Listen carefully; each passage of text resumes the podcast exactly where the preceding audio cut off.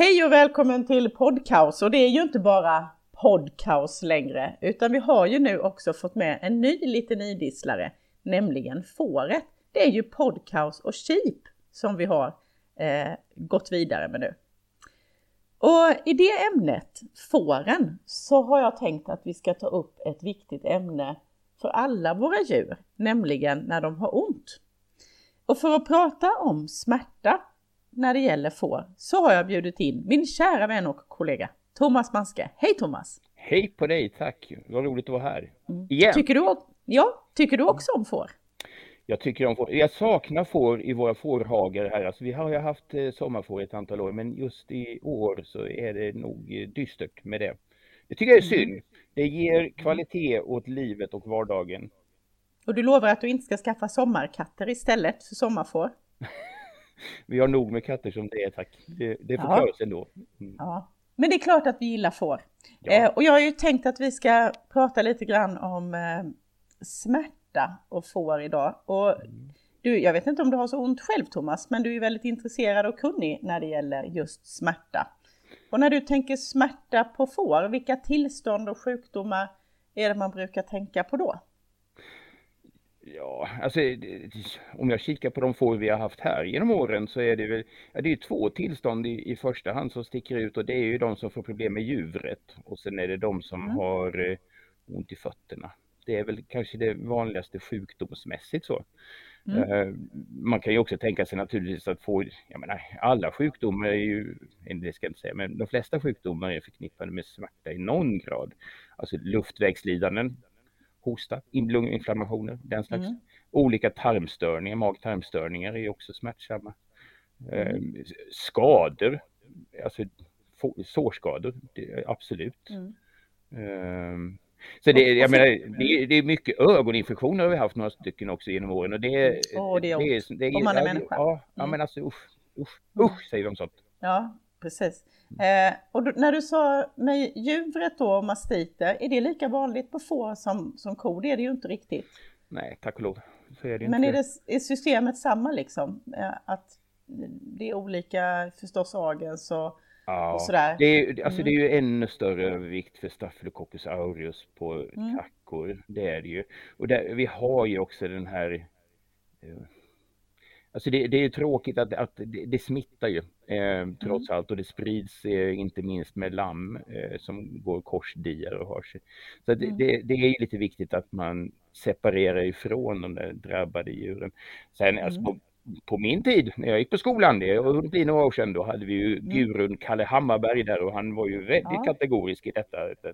Tackor med mastit, det ska man se till att sätta på utgångslistan omedelbums. Det är mm. ingenting att behålla eller spara på.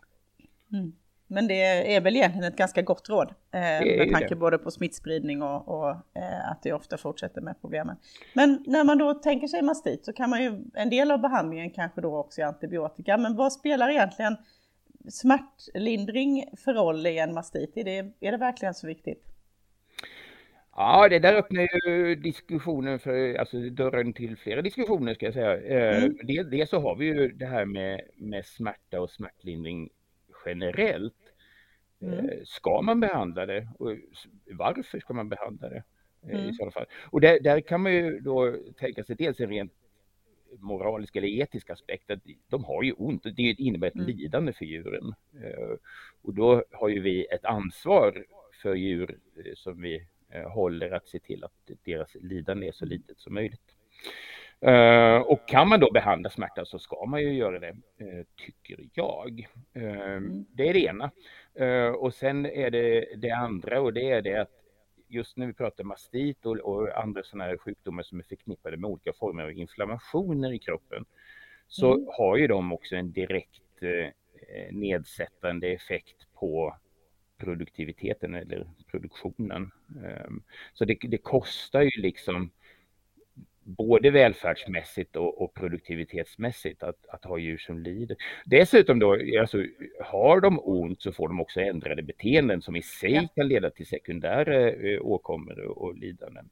Så, du tänker på att de slutar äta och ja. kanske slutar dricka och, ja. och sådana bitar och så sänks kraften att bekämpa sjukdomen på så vis liksom. Mm. Mm. Eh, Men är, det, är, är alltid en mastit förknippad med så mycket smärta och inflammation då? Behöver man inte ja, avgöra det? och det frågar du mig. Du nej, men, ja, men jag är ju inget får. Nej, eh, nej. Men okej, okay, på människa är det säkert det, för det var förfärligt. Ja. Det har jag provat. Mm. Um, Okej, okay, men du tycker att det är egentligen en det, smärta ja, kring mastiter, det, det är det sannolika alltså det, det, kan man säga. Där, det där är ju en skitspännande diskussion. Mm. Det visar sig ju på, nu känner jag inte till så mycket forskning på smärta kopplat till mastit hos tackor. Men hos kor har det ju faktiskt genom åren gjorts en del eh, mm. forskning. Och där har det ju visat sig att Ja, nu är det, och, då, och då kommer man in på en helt annan område. Det är ju hur, hur vet man om djuren har ont och, och hur mycket ja. ont de har. Och det, det, det blir ju en, en ganska lång diskussion i sig. Men om vi håller fast i det här med, med djuret till att börja med. Eh, mm. Så det har ju visats eh, att några av de här parametrarna som vi typiskt sett förknippar med eh, smärta, de stiger på kor även i samband med subkliniska, alltså osynliga mastiter där du i princip bara har förändring i celltalet eh, i mjölken. Ja, det blir, alltså det blir lite intressant får man väl säga, för typiskt sett alltså smärta på mjölkkor med mastit. Jag tror att alla är överens om att en ko med en, en, en akut kolimastit som har slutat äta och där djuret mm. står i fyra hörn och, och allting är Ja, det är. Ja, men det gör ju ont. Det ser man ju på milsvitt ja. avstånd. Men, men att de här korna där, där liksom djuret ser normalt ut, kon ser hyfsat normal ut och, och mjölken, mm. ja, kanske lite Inget sådär. Ja. Men de har men, kan också ha ont? De mm. kan faktiskt ha ont de också, ja. Eh, och det, och det mm. där får ju konsekvenser på andra sätt. Och det, oj, det öppnar så mycket. Men, och då har vi det här med, med, med um, påverkan av smärta på individen. Ja, där... men för nu, vi har ju lite hoppat över här ja. Thomas, vi, vi, vi blev besjälade av detta och det var ju inte alls osannolikt. Nej, nej. Men, men kan inte du förklara för någon som kanske på ett ganska enkelt sätt, vad är smärta egentligen? Vi fattar hur det känns, men vad är det ja. som händer? Och vad är hela idén? Vad är det för dum idé att vi ska ha ont? Vad är det så dumt då? Uh, det, finns ju, det finns ju människor, till exempel uppe i Vittangi pratar man om Vittangi-sjukan, alltså folk som föds med... Alltså inte alla i Vittangi, inte alla. ska vi lägga till. Nej, nej precis. Uh, nej, men alltså det, det, finns en åkomma hos människor som gör att de föds utan förmåga att känna smärta. Ehm, mm. Ett bra exempel på det från populärkulturen är ju den här eh, Niederman, heter han, eh, Lisbeth mm. Salanders halvbror. Ja, men han är ingen verklig människa. Han finns inte, men däremot så finns den här åkomman i högsta grad. Och ja. den är särskilt vanlig i Vittangi av alla platser ja. på denna jord. Eh, därav Vittangi-sjukan. Men inte ens alla därifrån lider Men det man har kunnat konstatera det är det att de som har den här sjukdomen, att de inte kan känna smärta, de lever ett kortare liv än, ja. än, vi, än vi vanliga människor. Eh, och det, och det tyder ju på att det finns en livsuppehållande funktion i detta med att känna mm. smärta. Mm. Eh, och tanken är ju eh, ganska klar egentligen. Alltså, alltså grillar man korv och glömmer grillpinnen så ska man komma på det. Ja, till exempel. eller om ja. man ställer sig och lutar sig mot spisen och sätter handen ja. på plattan så är det en väldigt bra sak om mm. man tar bort den där handen från plattan. Um, vilket i och för sig är ett ganska intressant exempel för det, du har ju hunnit ta bort handen innan du har ont. Ja, det är tur. Uh, ja, och det är tur, uh, det är det. Men, men det där tyder på att, att själva den undandragningsreflexen, den är ju inte kopplad till smärta. Ja, just det. Utan, utan det är ju bara en, en... Men det är för att jag ska inte göra om det, liksom. Igen, sen, sen kommer det där att du ska förhoppningsvis lära dig någonting av detta då. Mm. Det är det ena. Mm. Eh, och sen ska du dessutom förhoppningsvis också hålla handen i stillhet under tiden den läker och där hjälper ju smärtan dig att inte mm. använda handen till att slå i spik med eller vad du nu kan tänka dig mm. eh, mm. annars. Så, mm. eh, så, så, att ja, ett, ett, ett, pedagogiskt verktyg men också ett, ett sätt för kroppen att ge sig själv en chans att läka. Eh, och då är det såklart som det alltid är med kroppen en massa receptorer och grejer och så mm. som går igång och fungerar. Mm. Eh, det är det. Är det, eh, och det, och, är det olika? Om man, är det liksom olika beroende på vad som har hänt eller vad som är orsaken? Ja, det, det finns en, en uppsjö av olika receptorer ute i huden som reagerar på olika mm. saker. Slutresultatet blir mer eller mindre detsamma. Eh, det går en signal eh, in till ryggmärgen först och sen går den direkt tillbaka och det är det som gör att vi rycker undan. handen då, eller foten om vi nu trampar på legobit eller vad det kan vara. Sen, eh, sen går därifrån så går det en signal upp via ryggmärgen upp till centrala nervsystemet, hjärnan. Eh, och där kopplas de i olika led Eh, för att till sist hamna uppe i pannloben. Och det, det, är först när signalen når pannloben som vi upplever att vi har ont. Mm. Och, och, det där får, har en liten intressant eh, konsekvens. För pannloben är inte aktiverad vare sig på människor eller djur förrän man har börjat andas. Men det gör vi allihopa. Men du menar det innan vi föds till och med? Ja, exakt. exakt. Alltså, eh, definitionsmässigt så kan inte människor eller djur känna smärta i moderlivet. Eh, utan det är Men, först och, och, har inte det liten betydelse också? Nu, nu går vi lite, inte, inte från ämnet utan djupare in i det, men Eh, när man förlöser lamm vid fellägen och så, så kan man ju ibland, alltså det är klart man ska göra sitt allra bästa för att vara, men framförallt då kanske eh, varsam med tackan om man är försiktig och sådär. Men lammen känner alltså inte smärta då?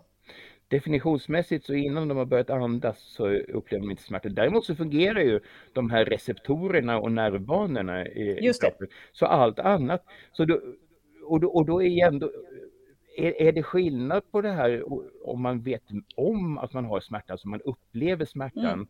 i hjärnan eller inte, spelar det någon roll? Och då, då har vi ett jättebra spännande eh, experiment som har gjorts på lamm när man, man kastrerar ju eh, bagglamm trots allt eh, i vissa lägen eh, ja. och, och, vissa länder. Och, och, det, och då har man testat att kastrera dem där vid varierande tidpunkt efter födsel. Ja.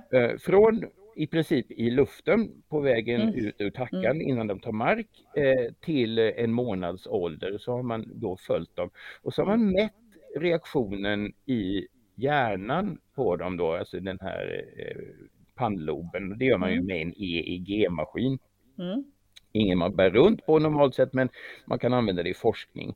Och, och då har man sett att det är ett nästan linjärt förhållande där aktiviteten i pannloben ökar med tilltagande ålder, vilket skulle kunna tolkas som att de får mer ont för varje dag som går vid mm. det här ingreppet. Alltså helt nyfödda lamm kanske inte har så ont som vi definierar det då.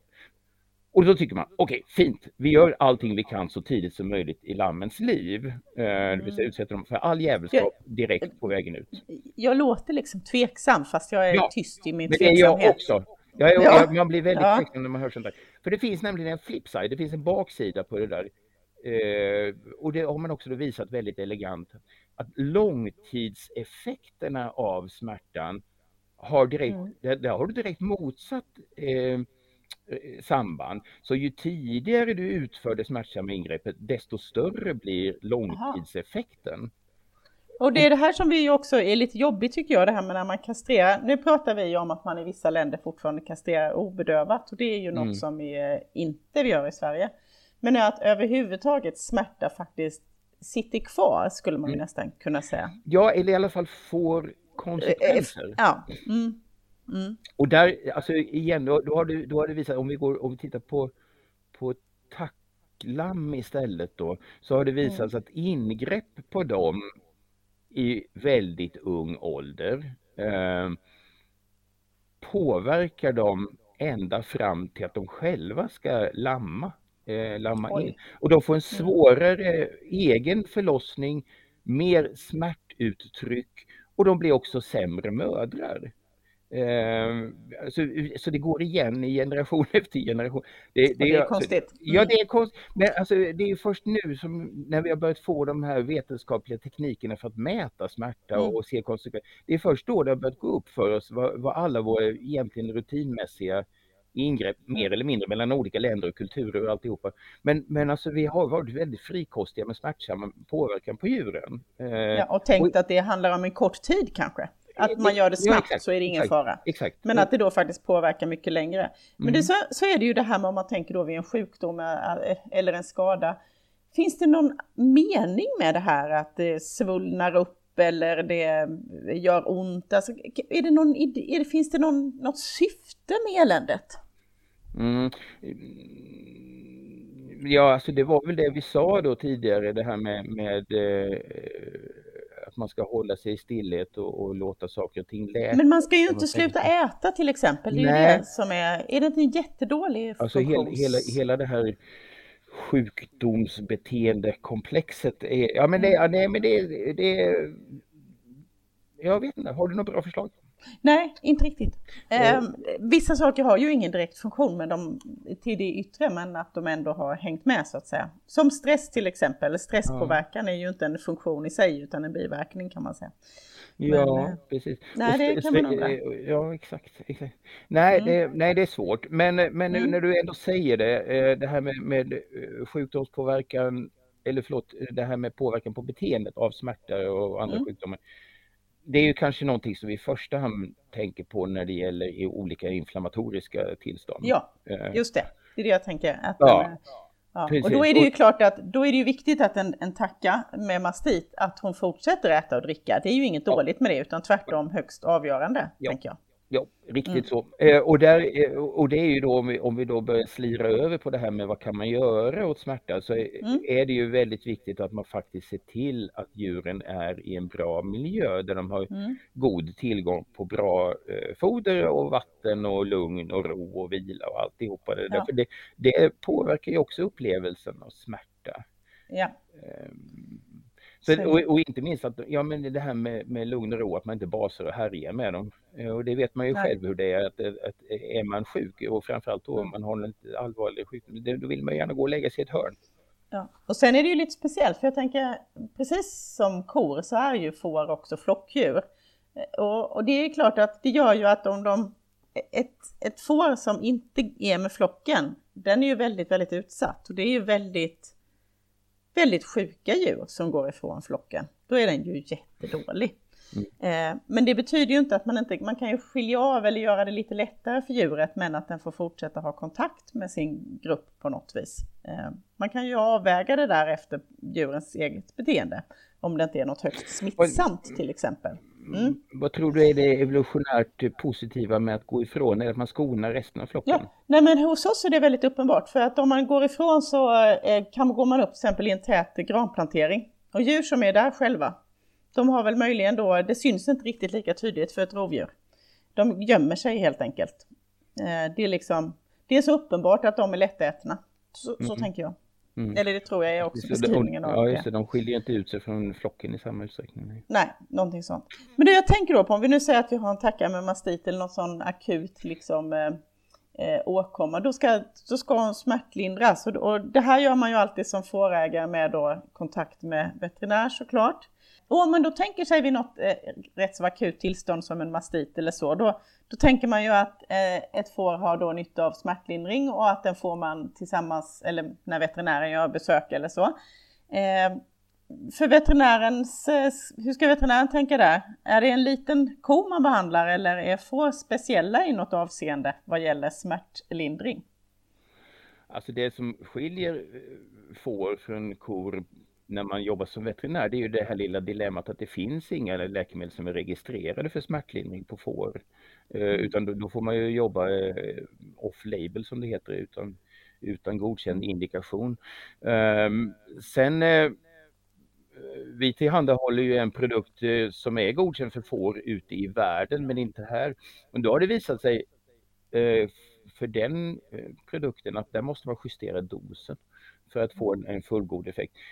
Och det var intressant, alltså, nu, om det nu skulle råka finnas några veterinärer med på linjen här så kan jag ju eh, passa på att, att berätta att det visade på att ibland så måste man gå utanför den här gängse doseringsanvisningen som finns för mm. olika läkemedel. Alltså när man behandlar med, säg en smärtlindrande produkt, mm. så ska man behandla med en dos och ett behandlingsintervall som gör att man får den effekt man avser. Um, att, att, bara liksom följa anvisningen, framförallt om man jobbar off-label där det inte finns riktiga data. Man, måste, man måste pröva sig fram helt enkelt. Men du menar helt enkelt att man tillsammans med djurägaren eh, som sköter mm. fåret har en ja. kommunikation och ja. en dialog kring om, ja. om det verkar fungera, om fåret eh, funkar bättre och är, kanske kommer igång och äta och sådär. Det är det du tänker ungefär? Ja, men det är precis så jag tänker. Och, och jag vet att, för du har ju lyssnat på Karsten Gröndahl. Ja, mm. han håller ju på med jättekonstiga djur, sådana här djurparksdjur och sånt. Han har ju inga ja. vanliga i sin Nej, vardag nästan. Men tankesättet mm. ändå, det där med att man faktiskt ska behandla ja. till effekt. Ja. Uh, så, jag menar, det är ju meningslöst att sätta in en behandling som inte har någon effekt då har man en kostnad Nej. plus en behandling som mm. är helt onödig. Så att, men, men, just för den produkten så visade det sig ju att, att där måste man dubbla dosen för att man ska få en vettig... Jämfört med en ko? Jämfört mot mm. en ko. Men ja. då, då, då, får man en god effekt. Uh, av behandling och under det. Och, och, det gäller egentligen de flesta de här smärtlindrande läkemedlen att det finns en dos-effektrelation. Alltså ökar du dosen så får du en större effekt ja. av behandlingen.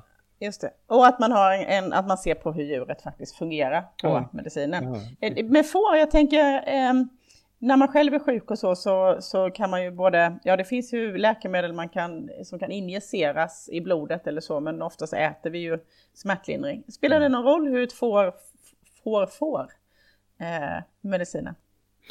Det beror på vilka läkemedel man använder men... men eh, jag tänkte på vommen för det har jag ja, ingen och det nej, är ju lite nej, stökigt. Mm. Nej och det, det, har man ju alltså för, för kalv så har det ju väldigt eh, elegant visats att där kan du ju ge eh, djuren i munnen med precis lika god effekt. Som för att de inte har utvecklat sin vom ännu? Men även mm. efter att de har det. Mm. Eh, det är mm. det som är så intressant. Då trodde, ja, vi, att det. då trodde vi att det gick att ja. göra medan vommen var liten och, och de i mm. princip mm. var enkelmagade då. Men sen har det visat sig att du, du kan ju fortsätta upp och du kan ge kor i munnen också. Eh, i, med, faktiskt med nästan samma dos som du använder när du injicerar det. Och det är ju fascinerande. Men det, det är ett väldigt stort eh, biologiskt upptag. Eh, av ja, åtminstone viss, vissa av de här produkterna. Då. Du nu, men jag tänker så här, när det gäller smärtlindring så finns det ju en mängd olika läkemedel. Eh, spelar det egentligen så stor roll eller är alla samma?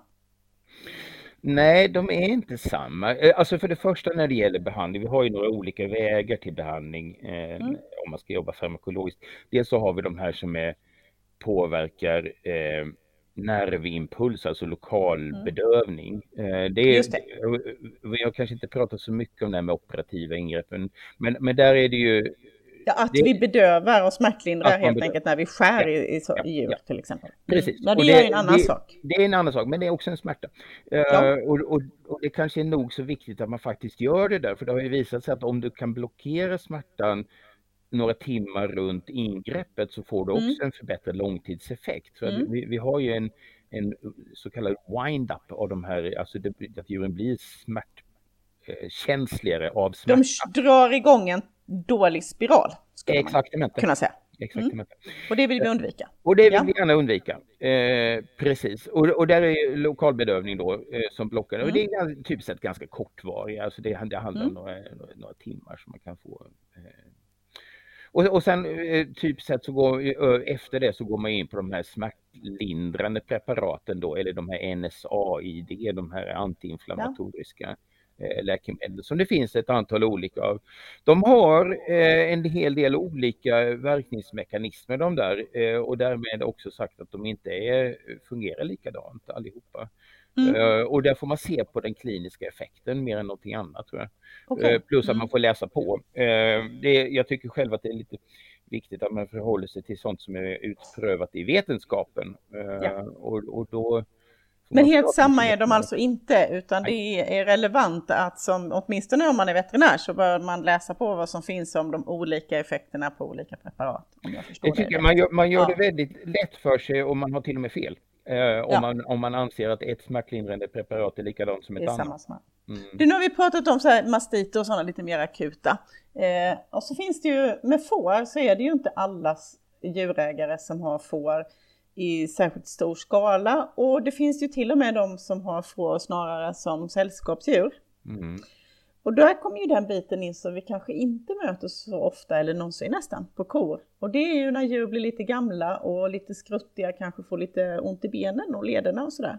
Mm. Och har man en hund så lär man ha hört att man kan smärtlindra även den typen av skruttigt gammalt djursmärta.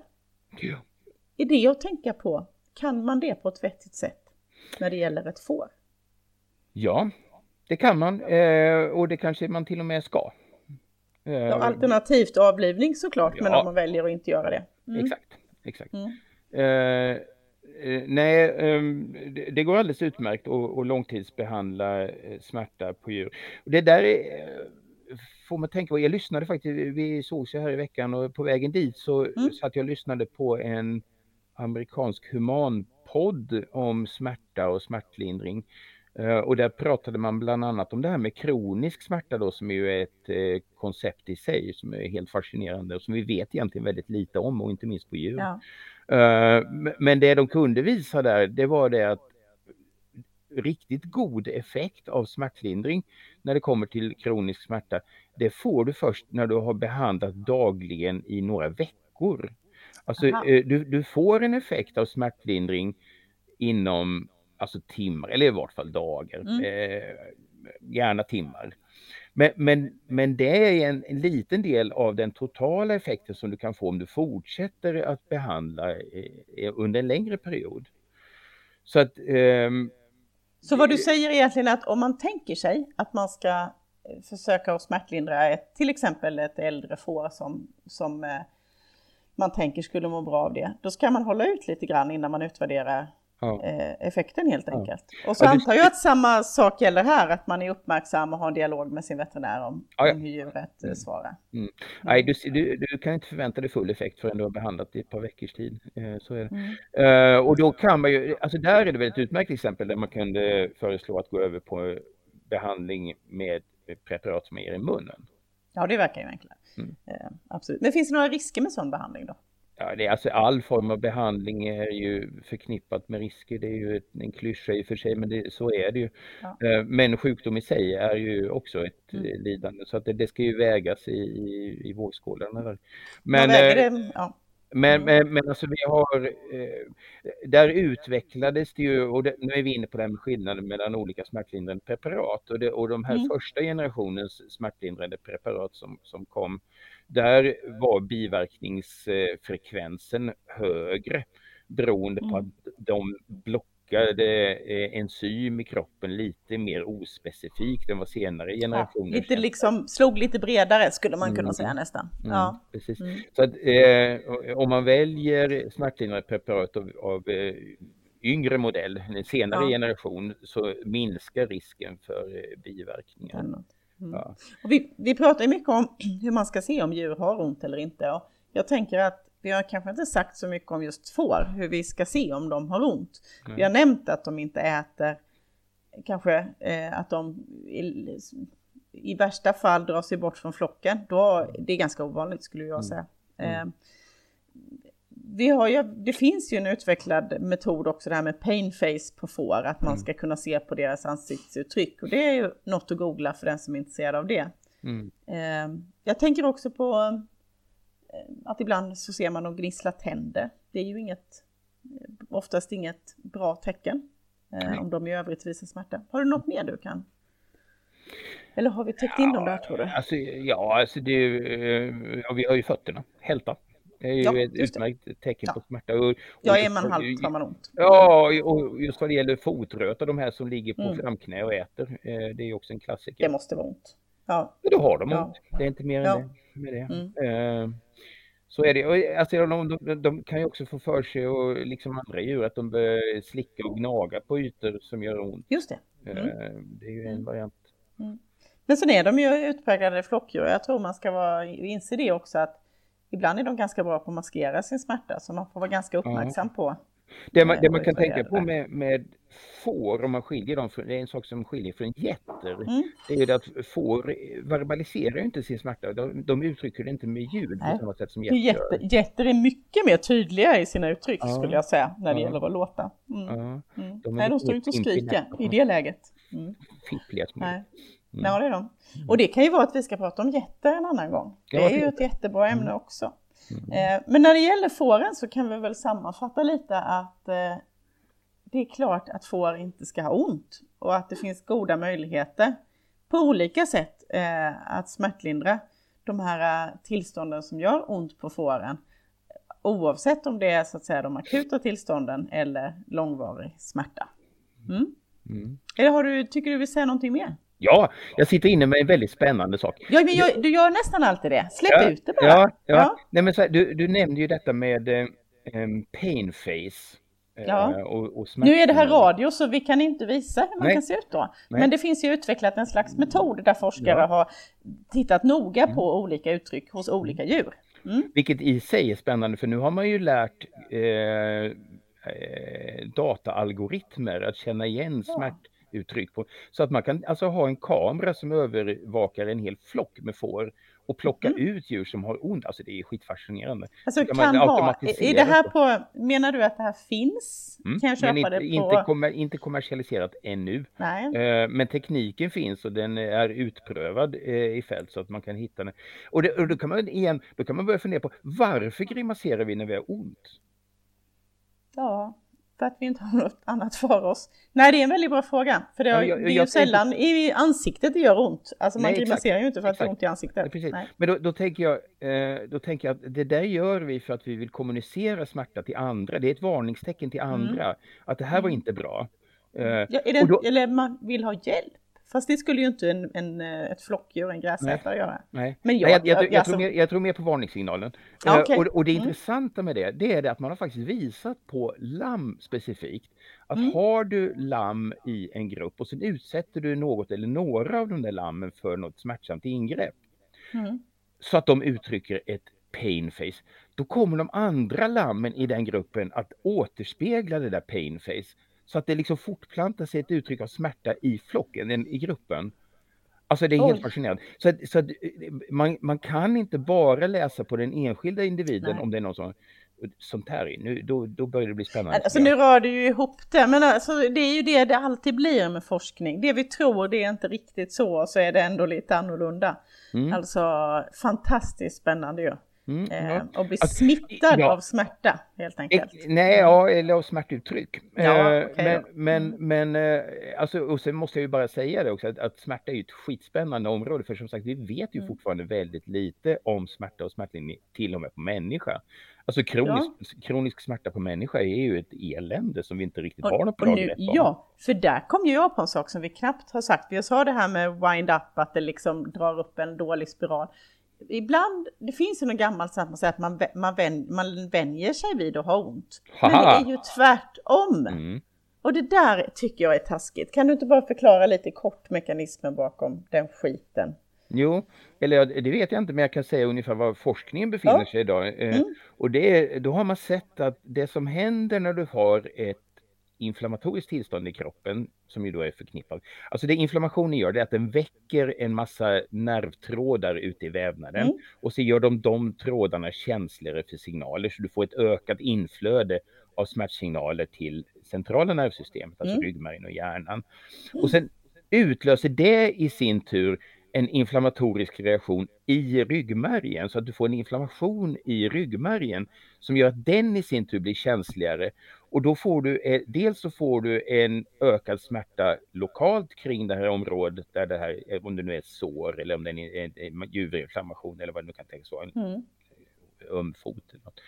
Uh, så då gör det mera ont där och i området precis runt den här mm. skadan. Men samtidigt så får du en generellt sänkt smärttröskel också som gör att, att, att man blir ännu mer känslig för smärta Eh, eller de blir, eh, och det är det, det är det här lilla fenomenet som kallas för allodyni. När mm. saker som normalt sett inte gör ont helt plötsligt börjar göra ont. Just det. det att, man har, att kläderna gör ont på kroppen när man ja, eh, har när man influensa. är solbränd till exempel. Ja, Eller så. Precis. Ja, när man är mm. solbränd ja. Ja, det gör mm. de också. Ja, så det där med kronisk smärta, ja, ja, det är task, jag tycker det är en taskig funktion. Det är en taskig funktion i det att det är väldigt svårt att hitta något funktionellt i det där. Ja, eh, egentligen. För, det det. För, för, den där mm. smärtan den kvarstår även efter att skadan är läkt. Alltså det blir bestående mm. förändringar i systemet alltså, som kvarstår månader, eller år faktiskt. Eh, mm. kan det, gå, det kan bli livslångt till och med. Eh, Åt den som får elände är mer elände givet liksom. Det är, det är inte roligt. Ja. Nej, straffas man så mm. straffas man ordentligt. Ja.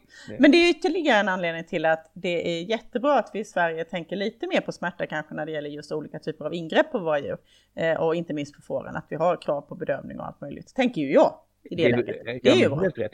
Och sen kan man mm. väl eh, som, som lite grann plåster på såren i sammanhanget så kan man väl också säga det att, att eh, några, alltså de här senare typerna av smärtlindrande preparat som finns på mm. marknaden, de har en förebyggande effekt mot den här kroniska mm. eh, smärt, eh, smärtan. Så att eh, är man bara tillräckligt på med de där så minskar man risken för den här långtidspåverkan. Mm. Det, det, tycker jag, nu har vi kommit till något som vi kan känna är nästan positivt och i den här smärtsamma podden så tycker jag att vi nästan får nöja oss där. Eh, med att det är lite, lite positivt på slutet. Mm. Eh, mindre smärta till fåren, eh, det tycker vi. Eh, och tack för att du kom hit och pratade om ont med mig. Alltid mm. lika trevligt.